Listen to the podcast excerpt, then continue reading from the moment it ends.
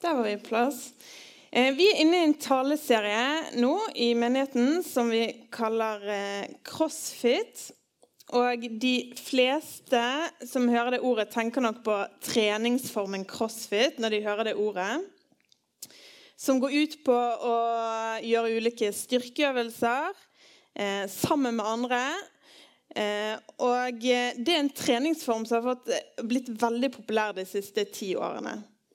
Og En av grunnene er sikkert at man blir sprek av å holde på med dette. Men jeg tror faktisk at hovedgrunnen til det er at på CrossFit-senteret er det et enormt fellesskap som heier hverandre frem. Roser hverandre når det går bra, og støtter hverandre når det er tungt. Um, så den vakre tegningen min her. Målet med denne taleserien tror jeg ikke er at alle vi skal bli superfit til badesesongen 2022, sånn som han der. Men eh, at vi skal eh, bli fit til å ta opp korset vårt hver dag. Altså crossfit. Eh, og jeg håper at vi kan gjøre det eh, med samme iver som fellesskapet på et crossfit-senter. At vi kan heie på hverandre og feire seirene våre sammen og støtte hverandre når det er tungt. Og noen geniale mennesker har laget en sånn, eh, ser, en sånn liste da, over øvelser man kan gjøre for å bli eh, fit til å ta opp korset vårt hver dag og leve tett med Jesus. Og En av de øvelsene på den listen er oversatt til 'gjør godt arbeid'. Og Det er det jeg skal snakke om i dag. da. Og Arbeidet det er jo noe de aller fleste av oss samlet sett bruker ekstremt mye tid på i løpet av livet. Mye mer tid på, her, på arbeid enn å være her, f.eks. Mange arbeider 37,5 timer i uken eh, i en lønnet jobb. I tillegg så kommer arbeid med hus og hjem familie, frivillig arbeid, arbeid i menigheten osv. Og For de som er langvarig syke, f.eks., kan bare det å gå på kontroller og følge opp med Nav være et fulltidsarbeid i seg sjøl. Så når jeg eh, i dag snakker om å arbeide, så er det du som vet hva det vil si i ditt liv. Eh, selv om de fleste eksempler jeg bruker, er fra lønnet arbeid.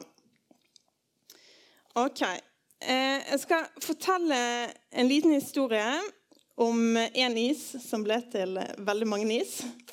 Fra da jeg gikk på barneskole. Og på den tiden så var det å arbeide en veldig stor drøm for meg. Jeg gledet meg til å begynne å arbeide og fantaserte om ulike typer jobber jeg skulle ha når jeg ble stor.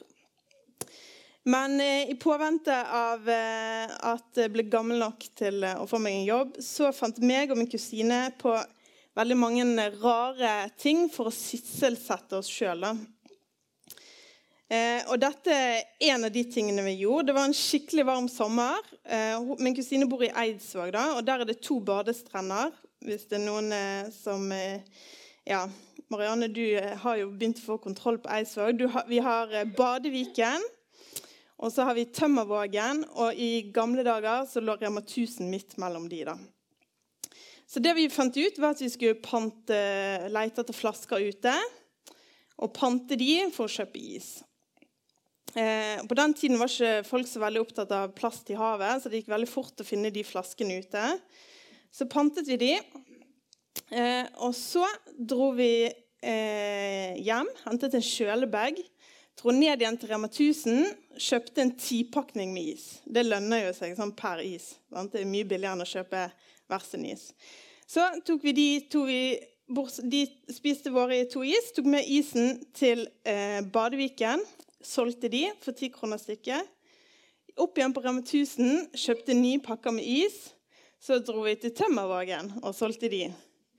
Eh, og så kjøpte vi sikkert litt flere pakker med is etter hvert. da. Og vi jobbet iherdig i en liten uh, uke. Og vi endte faktisk opp med å selge så mye is at vi gikk 1000 kroner hver i pluss. Noe som er ganske mye på den tiden og i den alderen. Og jeg har funnet ut at da må vi ha solgt over 200 is da. Eh, på den måten. Og vi jobbet utrettelig, men når jeg tenker på det, så var det ikke de 1000 kroner eller de pengene som var motivasjonen for det arbeidet vi gjorde. Eh, det var ikke en streng sjef som sto over oss at nå må du jobbe timene dine. Sant? Ellers går du underskudd på timer eller sånne ting som det der. Men det var gleden av å arbeide i seg sjøl. Gleden av å se folkene på stranden bli veldig glad for og overrasket for en is. Eh, på stranden i 30 graders varme. Og ikke minst det fellesskapet mellom meg og min kusine i arbeidet. da. Og Den gleden eh, og det initiativet til arbeidet det er ikke så lett å holde gjennom hele livet. Det regner jeg med de fleste har kjent på. Det er ikke alltid det er så eh, festlig, eller eh, hva man skal si, å arbeide. Eh, og noen ganger så kan kanskje det føles mer som en straff å skulle arbeide. Kanskje det føles litt meningsløst. Eh, kanskje det føles som noe vi må gjøre for å kunne bo i det huset vi vil bo i, eller spise den maten vi trenger. Og kanskje man kan komme inn på den tanken at arbeid må være en konsekvens av syndefallet. Men jeg tror ikke at det er det, da. Eh, fordi det å skape er det første verbet i hele Bibelen. I begynnelsen skapte Gud himmel og jorden. Og Jeg er utdannet lærer og er ekstremt eh, interessert i pedagogikk. og Der har jeg lært at det å skape det er noe av det vanskeligste du kan gjøre. Og Spesielt i en kreving læringsprosess er det på, en måte det på toppen av pyramiden som er på en måte det, det vanskeligste du kan gjøre. Eh, for å lykkes med å skape så må du eh, bruke eksisterende kunnskap og ferdigheter inn i nye sammenhenger. Og når jeg gir en oppgave til elevene der de skal skape noe, så vet jeg at de må jobbe hardt for å lykkes, og at de kommer til å møte motstand. Eh, ja, i skapelsesberetningen så ser vi også at Gud arbeider i etapper.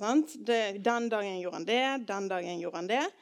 Og Det som jeg syns er litt uh, gøy, da, det er at han på måte på slutten av en dag så ser han seg tilbake og kontrollerer arbeidet sitt. Uh, og Gud så at det var godt. Han så tilbake på arbeidet sitt, og Gud så at det var godt, står det gjentatte ganger i um, Første Mosebok. Og til slutt skapte Gud mennesket i sitt bilde. Og til nå, hvis man leser Bibelen kronologisk, så er det det vi vet om Gud, at han arbeider med å skape ting som er gode. Og nå vil han at menneskene som han skapte sist, skal være litt som Gud sjøl. Og jorden er blitt deres arbeidsplass. De får ordre om å skape flere mennesker. De skal fylle jorden, de skal dyrke jorden, råde over fisken i havet og over alle dyr som kryr på jorden. Jeg vet egentlig ikke hva du tenker, men det jeg så for meg, det var at Leonardo da Vinci skulle gitt eh, Mona Lisa til en fireåring og bedt den gjøre siste hånd på verket. For en tro Gud må ha hatt på menneskene. Sant? Han som er så flink, og så skal vi fortsette. Gud skapte en fremragende verden der alt fungerer sammen. Ting er vakre, ting er i system, orden. Ting smaker digg, ting gir glede. Og så lot han menneskene fortsette arbeidet. Eh, den første arbeidsoppgaven Gud ga Adam, var å gi navn til alle dyrene. Og alle som har fått, navn, nei, fått barn, vet at det ikke er en enkel oppgave å gi navn til noen. Og eh, siden for Adam så kunne han heller ikke bare google fine dyrenavn. Så jeg tipper han hadde litt av en jobb å gjøre. Så kan vi tenke, hvorfor kunne ikke Gud bare gjort det sjøl? Det må være noe med arbeid som Gud virkelig liker, tenker jeg. Som gjør at han vil at vi som mennesker skal ta del i den oppgaven. Og Det ser vi òg flere steder i Bibelen, at arbeid er viktig. For de av dere som liker poesi, så kan man lese i Ordspråkene 6. Gå til mauren, du late, se hva den gjør og bli vis. Den har ingen hærfører, verken oppsynsmann eller hersker. Likevel sørger den for mat om sommeren og samler inn føde om høsten. Se på mauren og bli vis, den arbeider. Og når jeg leste disse versene, var det første jeg tenkte at eh, disse bør jeg kanskje bruke eh, i en andakt til elevene mine. Jeg jobber på Danielsen, og der har vi andakt. Det er ikke alle der som klarer å arbeide uten en oppsynsmann. Men eh, vi skal altså jobbe som mauren av eget initiativ uten å måtte ha noen stå over oss og henger og sier at vi skal gjøre det. Og jeg tenker at Den sommeren i Eidsvåg vil jeg si at min, meg og min kusine var litt av noen arbeidsmaur. Eh, I tillegg så er Paulus kanskje den av personene i Bibelen som er mest opptatt av at vi skal arbeide. Eh, og Han kunne sitert flere steder, men i Kolossene f.eks.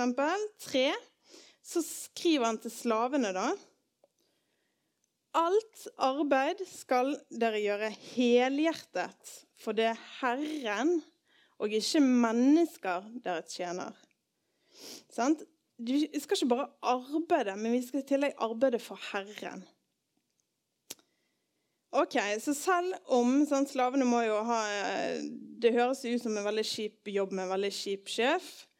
Og selv om vi òg kanskje kan føle på at vi har et kjipt arbeid og kanskje en kjip sjef, så er det i bunn og grunn ikke han eller hun vi skal arbeide for, men vi skal arbeide for Herren. I tillegg skal det være helhjertet. Og hva legger man i det ordet der, da? Jeg tenker at det kan bety så godt vi kan. Mitt arbeid på skolen går mye ut på å hjelpe ungdommer med å gjøre så godt de kan. Og hver gang de får en ny eh, oppgave og dette er litt sånn nytt fra sikkert de fleste her på skolen. Da snakker vi om kjennetegn på måloppnåelse. Dvs. Si at vi diskuterer hva er et godt svar på denne oppgaven her. Hva er god kvalitet på denne oppgaven her. La oss si de skal skrive en fagartikkel, så finner vi punkter på den listen, som f.eks. at han skal eh, bruke flere kilder, har et presist språk, man skal unngå skrivefeil, og at man skal drøfte en problemstilling. Og vet du hva? Jeg har aldri opplevd at noen har protestert på at god kvalitet er noe vi skal trakte etter. I tillegg så ligger det i ungdommene hva god kvalitet er. De klarer å skille hva som er god kvalitet, og hva som er mindre god kvalitet. Og jeg tenker òg at Gud er en som setter pris på god kvalitet. Det ser vi jo i naturen. Eh, det er ikke noe plastikkrell han har skapt. Vi ser det òg eh, i det første under Jesus eh, gjorde.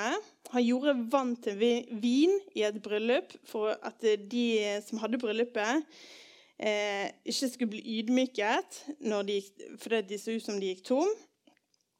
Men når han lagde eh, gjorde vann til vin, så var det ikke bare det at han lagde nok vin, men han lagde den beste vinen de noen gang hadde smakt. Han var opptatt av kvalitet. Jeg tror Gud digger god kvalitet, og når det gir oss mennesker stor glede, så må det gi Han stor glede når vi måte, skaper ting av god kvalitet, tenker jeg. Jeg tror han digger ryddige Excel-dokumenter med fancy formler, et godt sårstell, en genial programmert kode, at toget stopper mykt og behagelig på stasjonen, en fint dandert middagstallerken, god kundeservice en gjennomarbeidet referanseliste, treverk som er gjæret i skjøtene, digge surdeigsbrød og you name it. Og om det er noen som kjenner på presset når det kommer til arbeid nå, Sant? At vi arbeider for Herren og god kvalitet, og alt skal være på stell. Så er det ikke det som er poenget.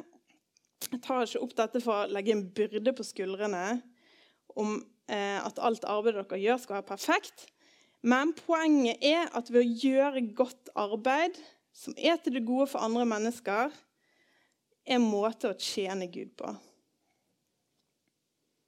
Jeg er ganske sikker på at det ikke bare er jeg og min familie som kjenner på tidsklemmer til tider. Eller ganske ofte. Eh, og på bibelgruppen min har vi flere ganger vært inne på at åh, det er så vanskelig å finne tid til Gud. Og For dere som har kjent på det, og meg sjøl inkludert, så tenker jeg at dette med arbeid er egentlig en veldig god nyhet. For du kan henge med Gud og leve tett med Han i arbeidet ditt. Og arbeidet ditt kan være en gudstjeneste. Og Det er ikke alltid så lett å ha dette fokuset på arbeidet. At man skal jobbe for Herren og ikke få mat på bordet. At man skal arbeide helhjertet og for det gode. Og For å være helt ærlig så har jeg vært ganske dårlig på det sjøl i det siste. Jeg har vært ganske lat når det kommer til å planlegge undervisningsopplegg og umotivert. og har ikke laget de beste undervisningsoppleggene og tenkt at ja, det er bare halvparten av elevene som kommer uansett, for alle er jo hjemme med korona hele tiden. Så ja, dette er like mye til meg sjøl. Men i perioder så har jeg vært ganske bevisst på å tjene Gud i arbeidet. Og det var spesielt et år jeg jobbet på Garnes ungdomsskole her i Arna. Så derfor skal jeg driste meg til å komme med noen helt konkrete tips som funker for meg. Eh, Når vi snakker om trening, så er det ikke nok alltid å si bare 'styrk kjernemuskulaturen'. Man vil gjerne vite hvordan kan man gjøre det i praksis. Så jeg tenker eh, Jeg vil oppfordre dere til å teste ut i hvert fall ett av tipsene frem mot sommeren. da. Så kan dere dele med de fellesskapet dere har kontakt med, og si litt om hvordan det gikk. Så da håper jeg eh, dere er klar. Det første tipset har vi allerede snakket om. Gjør godt arbeid. Eh, gjør arbeidet ditt helhjertet. Gjør det du er god på. Og om du må gjøre ting du ikke er god på, så bli god på det du gjør.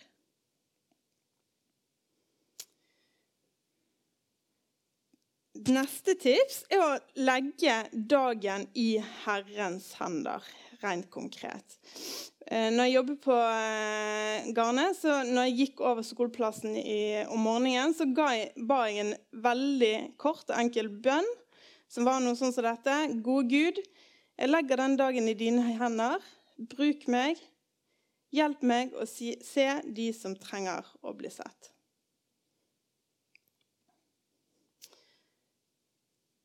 Tips nummer tre den er kanskje litt mer teoretisk.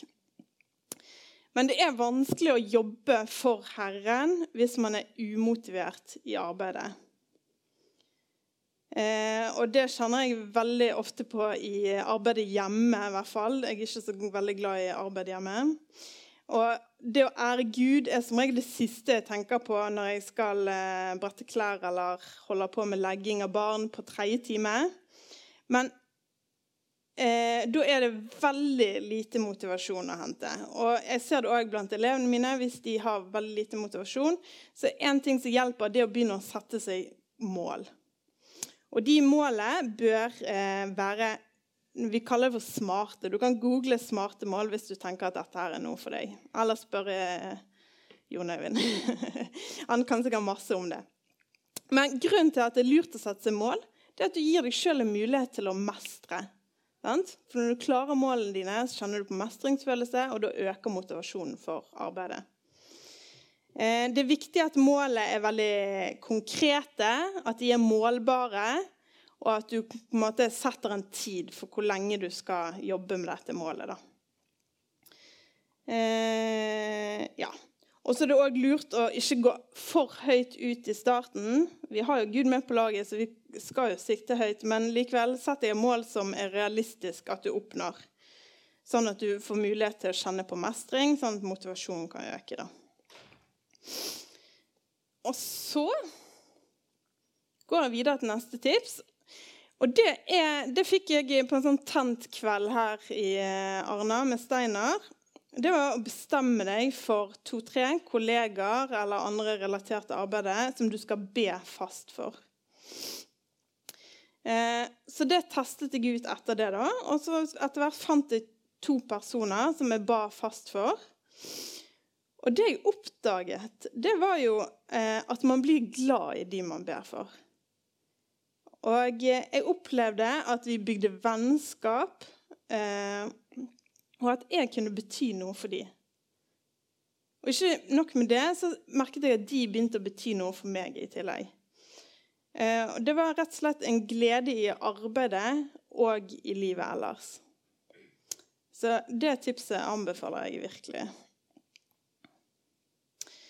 Og så kommer neste tips. og Det handler om å bidra til et godt psykososialt fellesskap. Det er kanskje mest hvis du har kolleger i arbeidet ditt. Da. Jeg blir veldig glad når jeg finner ting som ikke er laget av en kirke eller menighet, men som bare, jeg føler hele budskapet er veldig bibelsk likevel. Da. Og Denne plakaten den er først litt liten, jeg skal zoome inn på den etterpå. Eh, den fikk vi hengende opp med kaffeautomaten på jobb eh, når det var rundt verdensdagen for psykisk helse. Da. Jeg hadde tenkt å ta den med her, men det er sikkert noen andre som har tatt den med seg på en tale eller noe, for den var plutselig borte. Men i hvert fall her er seks tips. da, og jeg tenker at Det å kunne bidra til et godt psykososialt fellesskap på jobb er en veldig bibelsk ting å gjøre. Det er seks punkter på denne plakaten. her da.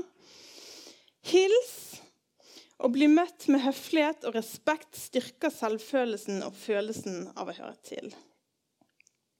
Og så oppmuntrer de til å rose eh, og gi bekreftelse på at andre duger og betyr noe. Det tredje punktet er å prate sammen. Snakk sammen om formelle og uformelle ting. Eh, god kommunikasjon bygges gjennom tillit. Feire suksesser. Det er litt sånn på CrossFit-senter. Det skal, kan skapes tilhørighet på arbeidsplassen og et fellesskap rundt det å møte egne og felles mål. Det å føle at man er med på noe meningsfylt, styrker den psykiske helsen. Punkt nummer fem se den du prater med.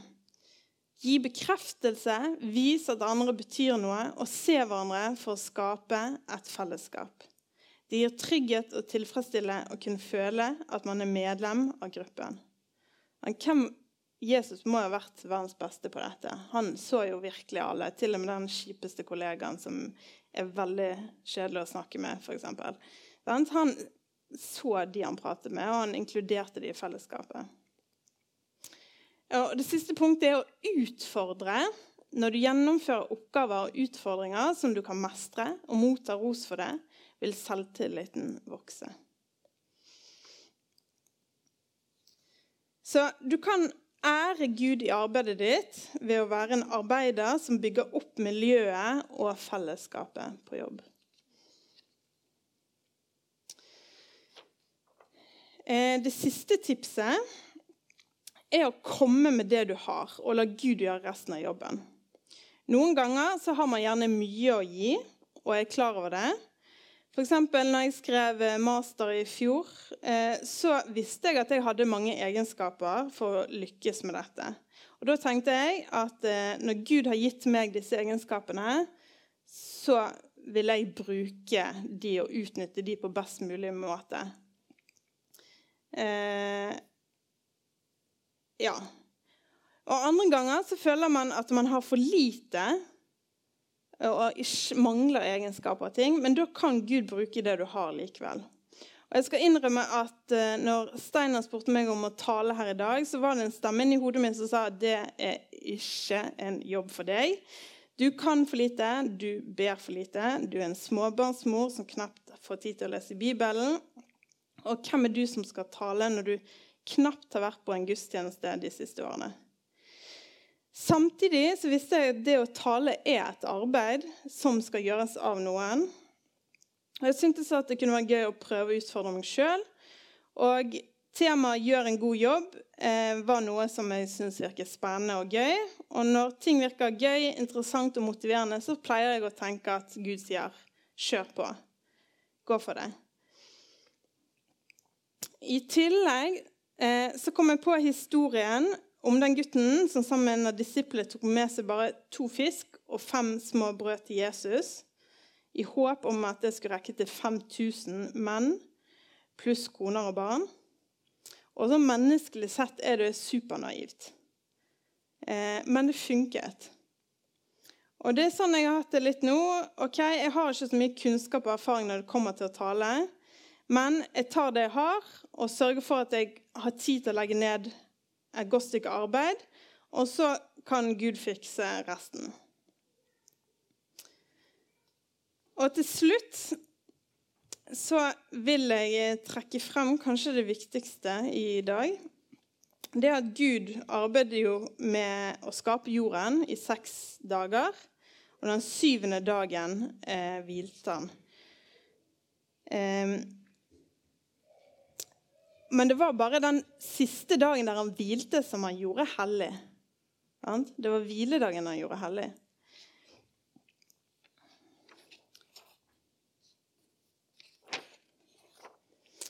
Eh, den sjuende dagen dette står i Første Mosebok, den sjuende dagen fullførte Gud det arbeidet han hadde gjort. Og den sjuende dagen hvilte han fra hele det arbeidet han hadde gjort. Gud velsignet den sjuende dagen og helliget den.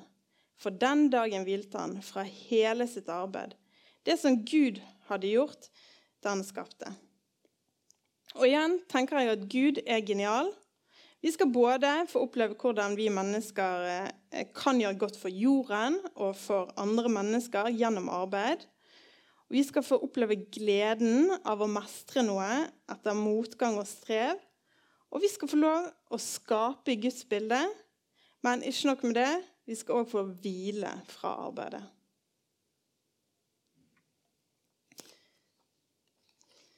Jeg avslutter med en bønn. Eh, mektige Gud og skaper, jeg vil takke deg for arbeidet. Jeg ber om at du skal bruke oss i arbeid på en måte som ærer deg, Gud. Hjelp oss å tjene deg. Hjelp oss å gjøre godt arbeid. Du ser de som ikke opplever at de har mulighet til å arbeide, og syns dette temaet er vanskelig. Kom til de med trøst. Gi menneskene i menigheten vår gode ideer om hvordan de kan være lys og salt der de har sitt virke, og hvor, hvordan hver enkelt kan bruke arbeidet som en gudstjeneste for deg. Amen. Og Til slutt skal dere få et bonustips som er det enkleste å gjennomføre. Det er en av mine favorittsanger, 'Hjerteslag'. Og Det er en utrolig fin bønn hvis man har lyst til å legge dagen eller arbeidet i Guds hender.